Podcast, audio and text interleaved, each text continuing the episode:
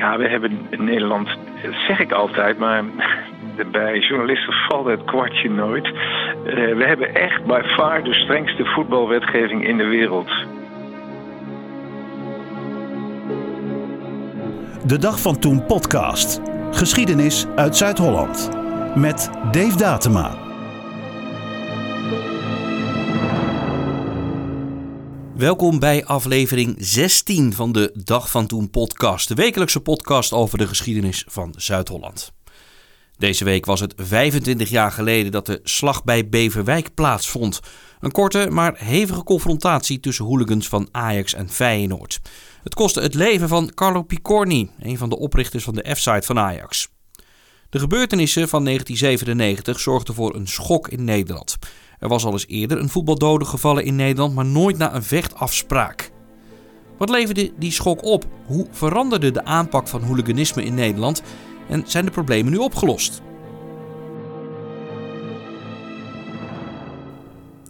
Eerst terug naar 1997. Op een zondagmiddag, vlak voor AZ tegen Feyenoord, gaat het dus goed mis tussen hooligans van Feyenoord en Ajax op een weiland net buiten de Zwarte Markt van Beverwijk. De geweldsexplosie duurde slechts een paar minuten, maar kostte wel een mensenleven. Een uur na de gebeurtenissen zijpelen de eerste berichten naar buiten, zoals bij Radio Rijnmond, waar de sportuitzending in volle gang was. Presentator Frank Vijg. De vraag is nog zeer uh, dik en daarmee ga ik je gelijk even onderbreken of die wedstrijd wel op het afgesproken tijdstip zal gaan beginnen. Want Hans van Vliet, het is helemaal mis hè? Het is onrustig. Het is uh, onrustig bij de Wijkentunnel. Daar is gevochten. Er is uh, gevochten in het centrum van Alkmaar. Er schijnen gewonden te zijn en uh, dat nieuws is ook naar hier doorgecijpeld. Zo heeft de scheidsrechter Van Dijk uh, even geoordeeld. Tom er even in overleg te treden met betrokkenen, ook met de veiligheidscoördinatoren en uh, de politie. Om te kijken wat voor toestanden dat eventueel hier in het stadion zou kunnen meebrengen. Maar in ieder geval, het zijn allemaal nog geruchten. Het is nog niks gezegd dat het niet door zou gaan. Dus dan wat wel zeker is dat onderweg een, een paar nare tafereelen heeft opgeleverd. En is, is er nou ook iets gezegd over het feit dat als er nou echt ernstige dingen zijn uh, gebeurd. Hè? Want er is dus het gerucht dat er een dode is gevallen. Um, vraag is of we, als die uit die groep van die vechteren komt, of we dat nou zo erg moeten betreuren. Maar het is toch een ernstig feit. Of dan een soort daad gesteld zou worden om die wedstrijd maar helemaal niet te laten spelen? Dat is dus een hele moeilijke afvraging uh, die, die, mensen zich nu op dit moment uh, bezighoudt. Ja, er schijnt geschoten te zijn, er schijnt met messen gewerkt te zijn. En ja, nogmaals, maar wel ver van het stadion vandaan. Ja. De politie van Alkmaar heeft trouwens inmiddels bevestigd dat er een dood is gevallen. Dus uh, nou, ja, er is in elk geval één minder. Aanhangers van Feyenoord en Ajax zijn met elkaar slaags geraakt in de buurt van Beverwijk. En daarbij is één dode gevallen. Dat heeft de politie van Alkmaar meegedeeld. Enkele honderden voetbalvandalen bevolgden elkaar op een stuk weiland niet ver van de A9. Het treffen was afgesproken. Hoeveel gewonden er zijn gevallen is niet bekend. Op het moment dat de vechtpartij uitbrak waren er maar een paar politieagenten ter plaatse. Er was rekening mee gehouden dat de confrontatie zou plaatsvinden bij het wegrestaurant van Van der Valk over de A4 ten zuiden van Schiphol. Ondanks de gebeurtenissen gaat de wedstrijd tussen AZ en Feyenoord die middag wel gewoon door. De Rotterdammers winnen ook met 2-0. Na afloop worden alle supporters in het uitvak één voor één gecontroleerd door de politie. Supporters met verwondingen of bloedspatten op de kleding kunnen meteen mee met de politie.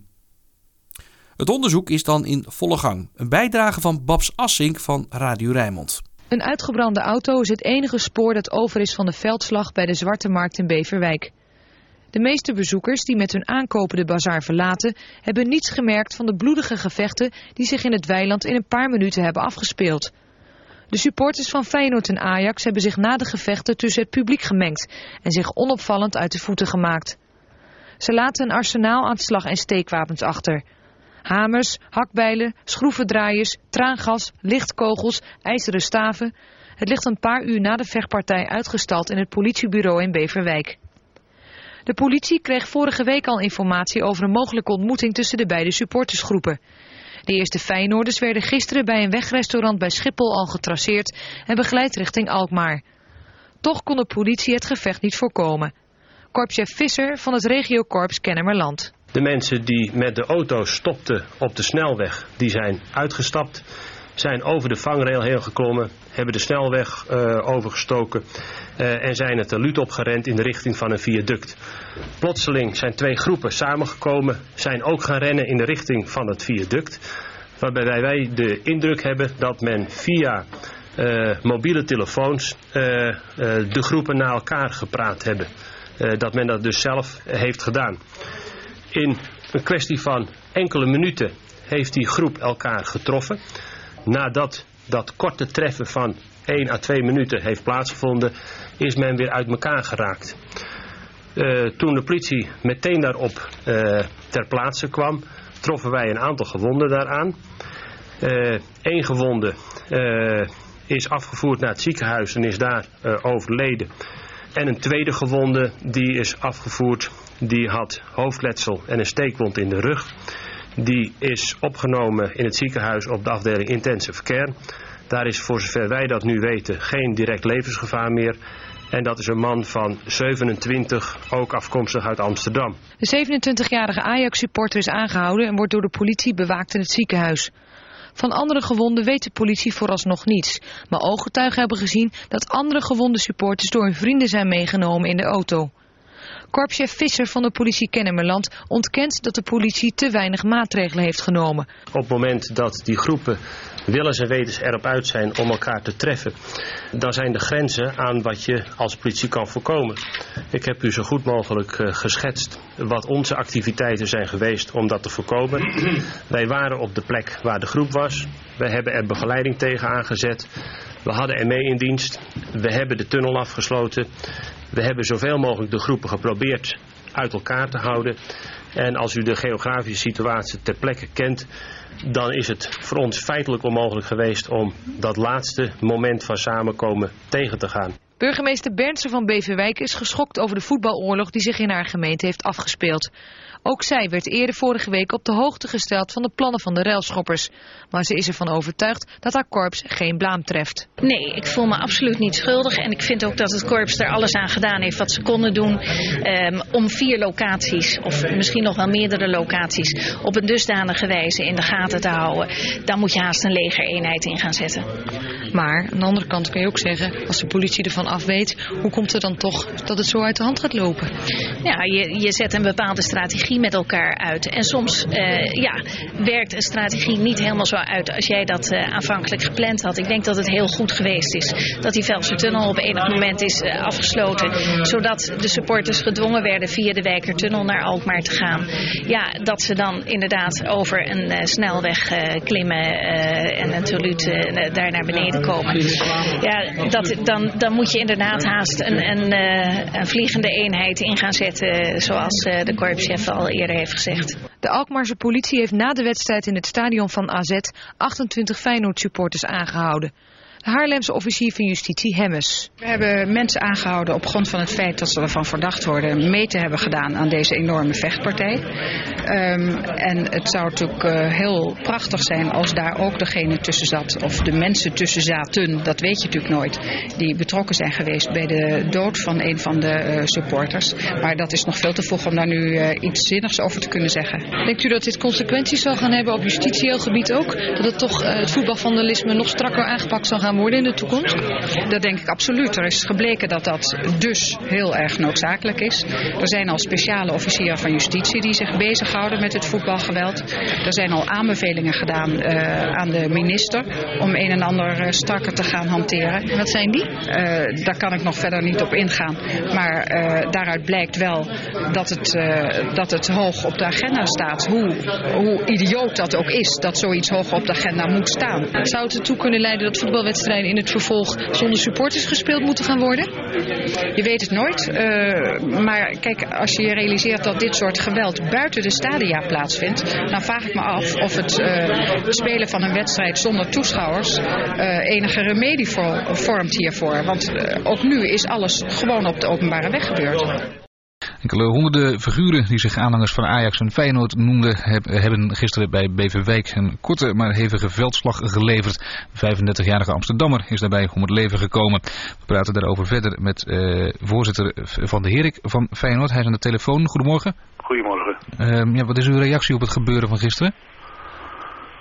Ja, zoals ik dat, uh, dat gisteren ook al heb gezegd, uh, in en in triest als je hoort dat er uh, zelfs een dodelijk slachtoffer is gevallen.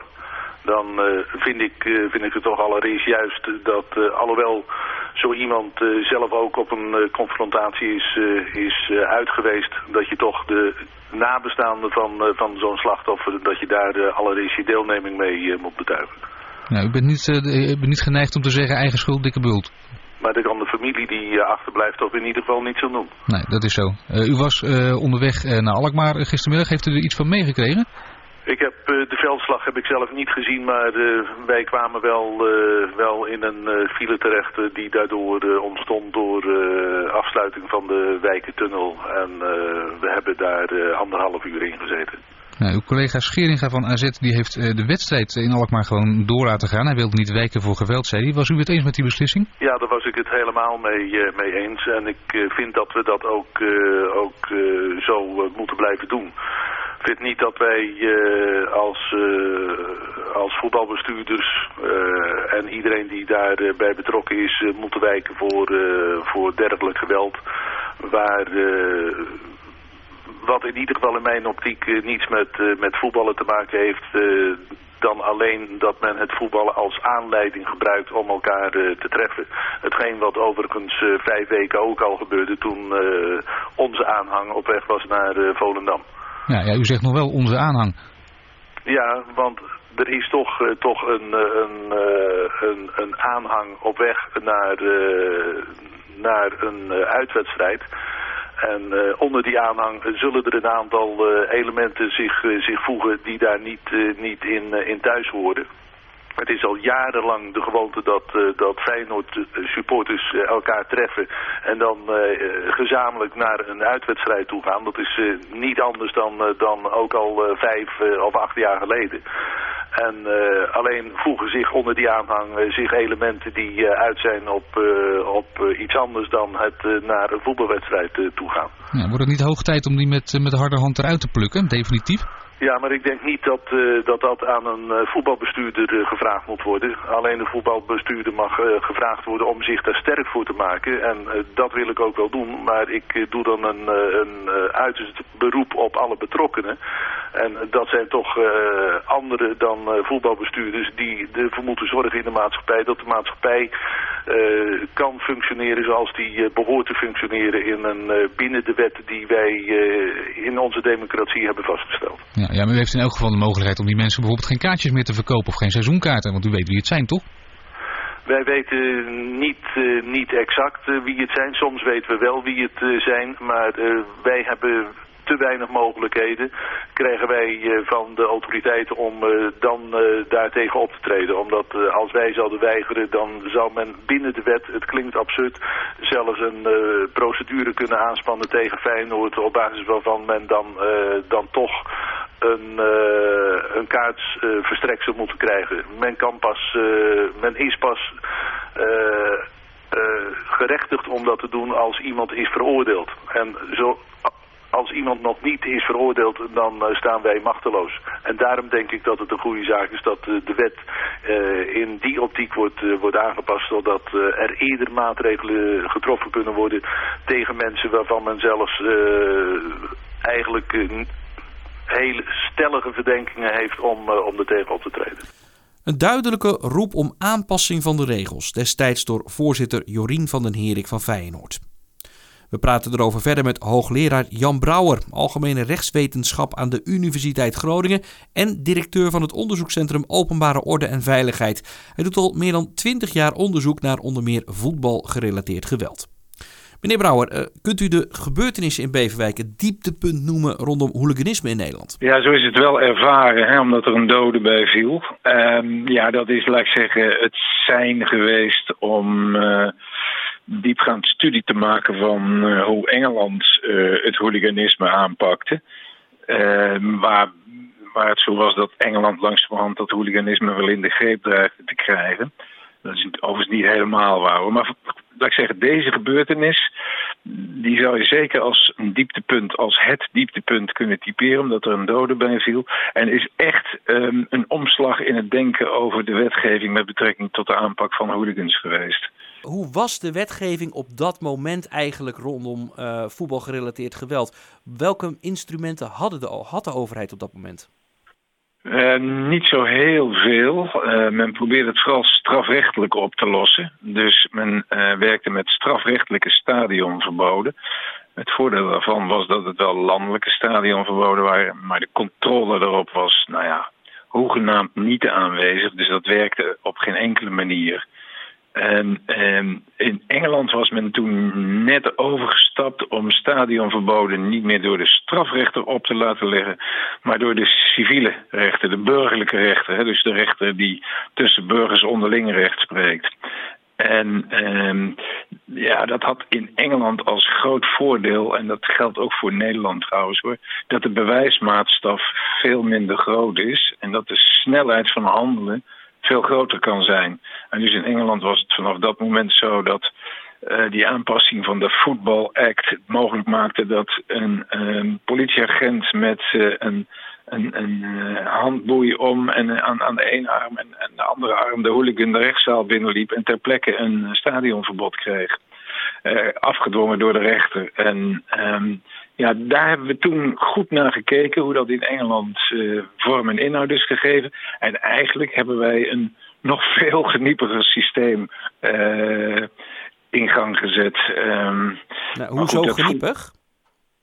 Ja, kijk, uh, in, in Nederland uh, is het uh, niet de rechter die een stadionverbod oplegt, maar hebben wij die bevoegdheid toegekend aan de KNVB. De KNVB krijgt sinds die tijd alle informatie van het Openbaar Ministerie. Dus alle uh, strafbare feiten, maar ook niet strafbare feiten die door voetbalsupporters zijn gepleegd, die worden aan de KNVB verstrekt. En de KNVB kan landelijke stadionverboden afkomen, afkondigen. Dus daar zit de strafrechter helemaal niet meer tussen. Ja. En, uh, en er zit ook geen wetgeving tussen. Er zit alleen maar regelgeving van de KNVB tussen. En die regelgeving van de KNVB die is, laat ik zeggen, vele malen meedogenlozer dan de Engelse, Engelse wetgeving. En dus waar, waar in Engeland eigenlijk maximaal een stadionverbod voor drie jaar kan worden gegeven, in hoogst uitzonderlijke gevallen vijf jaar, ja, wordt in Nederland worden eh, termijnen van 10, 20, soms levenslang opgelegd. Ja. Um, dus, um, kijk, en dat is niet het enige. Je krijgt dan een civielrechtelijk stadionverbod. Als je pech hebt, komt de strafrechter er ook nog eens overheen hè, met allerlei, allerlei straffen. En, uh, en, tegenwoordig kan het ook nog zo zijn dat de burgemeester er overheen komt met allerlei voorwaarden. Dus ja, we hebben in Nederland, zeg ik altijd, maar bij journalisten valt het kwartje nooit. Uh, we hebben echt bij far de strengste voetbalwetgeving in de wereld. Ja, maar uh, u zei voordat de voetbalwet werd ingevoerd, was er nauwelijks controlemogelijkheid. Is dat bij deze voetbalwet er wel? Ja, wacht even. We hebben dus de, de truc die we in, na uh, Beverwijk, de slag bij Beverwijk, hebben toegepast, is dat uh, het civiele recht, hè, dus het burgerlijke recht, wordt toegepast om stadionverboden op te leggen. Mm -hmm. En de voetbalwet is weer een andere. We kennen drie soorten recht. Strafrecht, daar zijn we ooit mee begonnen om de hooligans te proberen in het gereel te krijgen. Dat lukte niet. Toen hebben we die civielrechtelijke stadionverboden ingevoerd door de KNVB. En daar is nog eens een keertje overheen gekomen, de voetbalwet. En dat is dus weer een andere sector van het recht. Dat is het bestuursrecht. Dan legt de burgemeester een stadionverbod op. Drie stokken om de hond te slaan. Werkt dat? Uh, dat heeft, laat ik zeggen, vanaf 2000 tot aan de coronacrisis eigenlijk heel goed gewerkt. Uh, hooliganisme nam echt steeds verder af. Um, laat ik zo zeggen, het was binnen uh, supporterskringen ook bekend dat uh, er meedogenloos werd opgetreden. Want het is, het is in Nederland niet alleen zo dat je een stadionverbod op, opgelegd krijgt. Je krijgt van de KNVB ook nog eens torenhoge boetes per overtreding die je begaan hebt. He, dus heb je bijvoorbeeld uh, iemand anders uh, een, een, een, klap gegeven, dan is het mishandeling 1500 euro boete.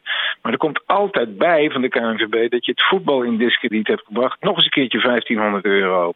Heb je ook de politie nog uitgescholden, nog eens keer 1500 euro. Dus die, die, dat kent men in Engeland helemaal niet, die boetebevoegdheid. Ja. Uh, dus, dus, dus we zijn vele malen strenger dan uh, de Engelse wetgeving. En dat heeft tot aan de coronacrisis goed gewerkt. Na de coronacrisis is er een vernieuwd soort hooliganisme ontstaan. En ja, ik heb me suf gepraktiseerd waar dat nou aan kan liggen. Maar ik denk toch dat um, ja, in die twee jaar dat er niet of nauwelijks publiek bij de voetbalwedstrijden is geweest, dat die, die, die, die supportersgroepen een beetje uiteengevallen zijn. Dat er geen hiërarchie meer bestaat.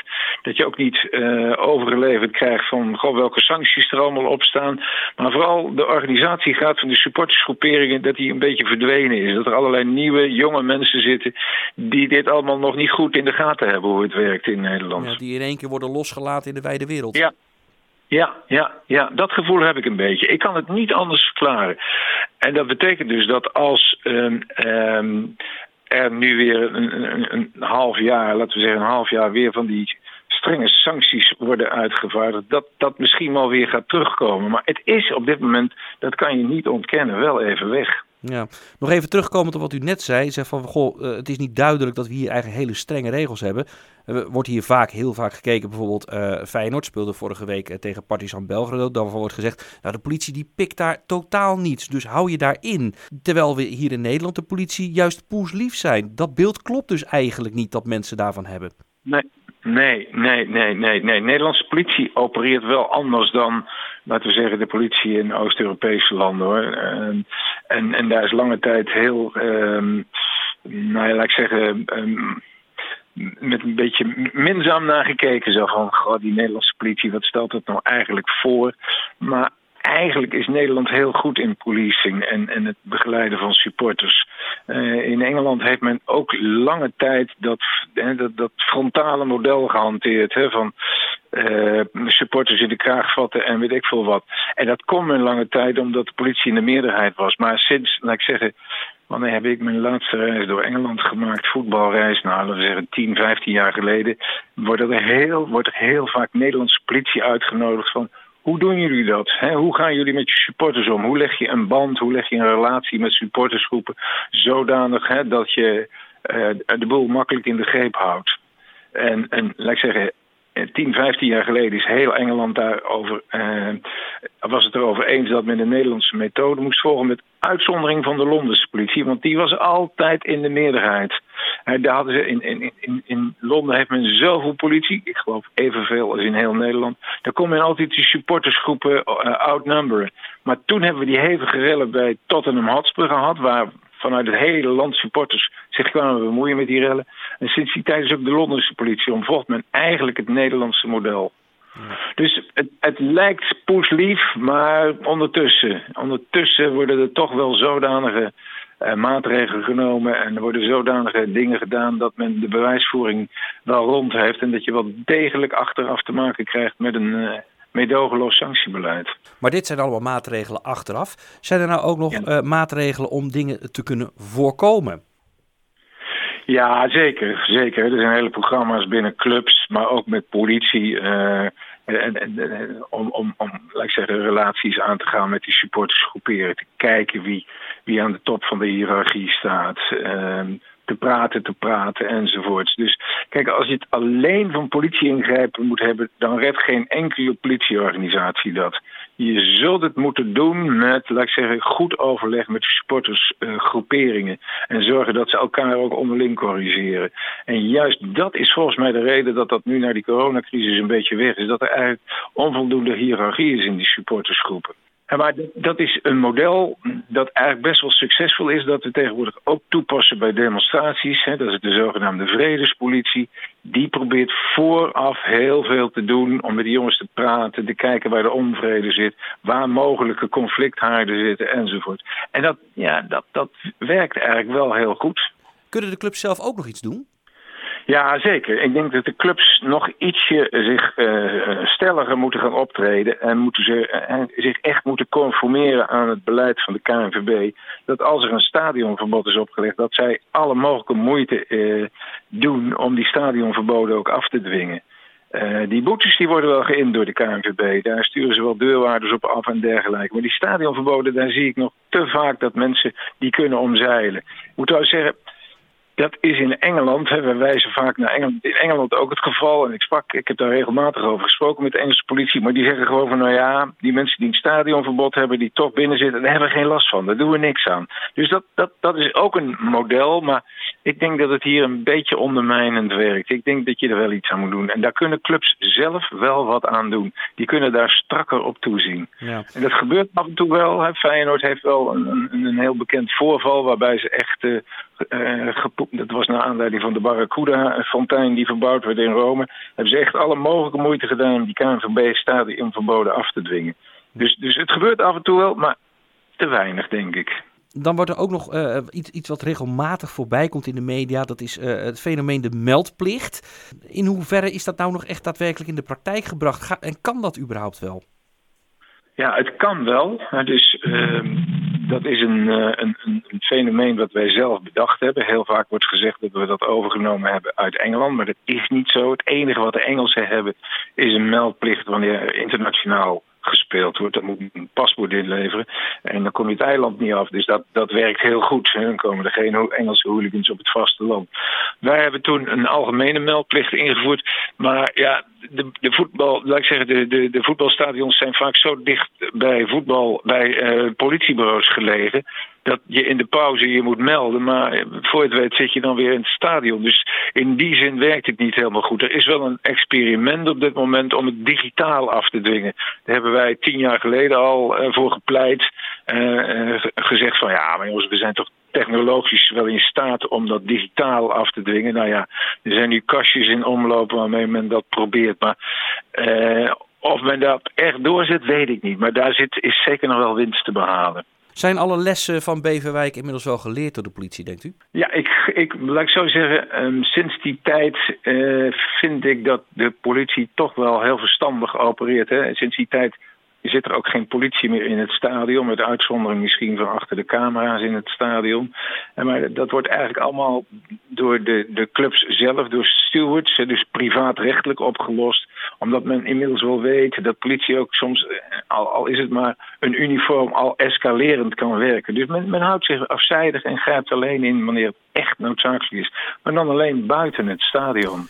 Dank u wel, meneer Jan Brouwer, hoogleraar Algemene Rechtswetenschap aan de Universiteit Groningen en directeur van het onderzoekscentrum Openbare Orde en Veiligheid. Meer over de confrontatie tussen Feyenoord en Ajax-hooligans in 1997 bij Beverwijk op de website dagvantoen.nl. Geschiedenis uit jouw omgeving. Dit is de Dag van Toen podcast. Wat uh, valt er nog meer terug te blikken deze week op dagvantoen.nl? Dinsdag twee opmerkelijke verhalen. Allereerst de brandstichting tijdens een CP-bijeenkomst in uh, Kedigum. Een vrouw raakt daarbij zwaar gewond. Een fragment van het NOS-journaal van 29 maart 1986. Het Cosmopoliet Hotel waar de vergadering gehouden werd brandde volledig uit. De tegenstanders waren er binnengedrongen en hadden met rookbommen gegooid, waardoor brand ontstond. De aanwezigen vluchtten naar buiten. Onder hen was ook de vroegere voorzitter van de partij, Jan Maat. Hij was kennelijk aanwezig om met leden van zijn oude partij te praten. In het tumult raakten tientallen mensen gewond, maar de meesten konden na een kort bezoek aan het ziekenhuis weer naar huis. De burgemeester van Leerdam zei er het volgende over. We zijn ver van huis wanneer we op een dergelijke wijze te werk gaan en uh, methoden gebruiken die inderdaad doen denken aan fascisme en aan bepaalde andere stromingen waar mensen gemolesteerd worden terwijl ze alleen maar aan het vergaderen zijn. dat kan niet. Dat is het einde van de democratie. Wat vindt u van deze methode? Die vind ik schandelijk. Die, die vermoordt de democratie. Dat kan niet. Verder het verhaal over de man die in 1989 het Dordrechts Museum binnenkomt lopen en daar meerdere schilderijen bewerkt met een Stanley-mes. De man was boos omdat, volgens eigen zeggen, buitenlanders zijn baan hadden afgenomen. Op 1 april natuurlijk de terugblik op de inval in Brielle 450 jaar geleden door de watergeuzen. Maar ook het verhaal over de psalmenoproer in onze regio, bijvoorbeeld in Maasluis. Over hoe een nieuwe wijze van zingen in de kerk kan zorgen voor grootschalige rellen. Op 3 april een terugblik op het gifschandaal van Lekkerkerk. Een complete nieuwbouwwijk bleek te staan op zwaar vergiftigde grond. Lekkerkerk in Zuid-Holland. Twee nieuwbouwwijken moesten er geëvacueerd worden als gevolg van het grootste milieuschandaal dat in ons land bekend is geworden. Tot dusver tenminste. De huizen bleken gebouwd te zijn op een terrein dat volgestort was met het smerigste chemische afval. Ook een lagere school stond hier. Het gevaar voor de gezondheid van de kinderen werd zo groot geacht dat die al onmiddellijk tot op de grond werd afgebroken. Na de vuilstortingen in het begin van de jaren 70 werden de laatste huizen omstreeks 1976 opgeleverd. Maar door de woonerven is nu een streep gehaald. De bewoners, zo'n duizend in totaal verdeeld over 270 gezinnen, zijn grotendeels ondergebracht in staakcaravans of houten wisselwoningen. Ze konden maar een deel van hun huisraad meenemen en daarmee probeerden ze zich zo goed als dat mogelijk was in te richten. Wat in de caravans geen plaats kon vinden werd tijdelijk opgeslagen in containers. Direct na de bouwvakvakantie is er eindelijk op grote schaal begonnen met het afgraven van de vergiftigde grond. Daarbij is het in ieder geval een voordeel dat veel van de huizen destijds op paden zijn gebouwd. Voorzichtigheid blijft geboden, want herhaaldelijk stuit men op gedeeltelijk vergane vaten met gevaarlijke stoffen als tolueen, xyleen en benzeen. Met zogenaamde toximeters meten milieudeskundigen van het Rijksinstituut voor de Volksgezondheid de graad van giftigheid van de aangetroffen stoffen, waarvan bekend is dat ze onder andere kanker kunnen veroorzaken. Ook worden er monsters genomen voor onderzoek in het laboratorium. Dit en meer komende week op dagvantoen.nl. Historische verhalen uit heel Zuid-Holland. Van de Bollenstreek tot aan Rotterdam. En van Den Haag tot aan Gorkum. www.dagvantoen.nl Tot zover aflevering 16 van de Dag van Toen podcast. Volgende week een verhaal over hekserij in de regio. Hoe een vrouw in Sliedrecht werd beschuldigd van het betoveren van haar buurvrouw in 1926. Ze hadden al dikwijls raar gedaan. En altijd hadden ze het over toverij gehad.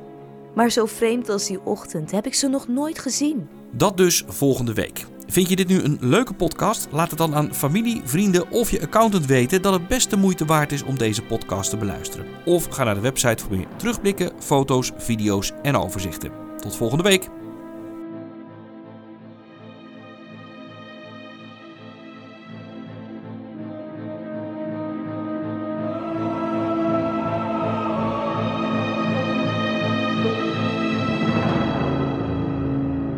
Van Toen podcast. Geschiedenis uit Zuid-Holland.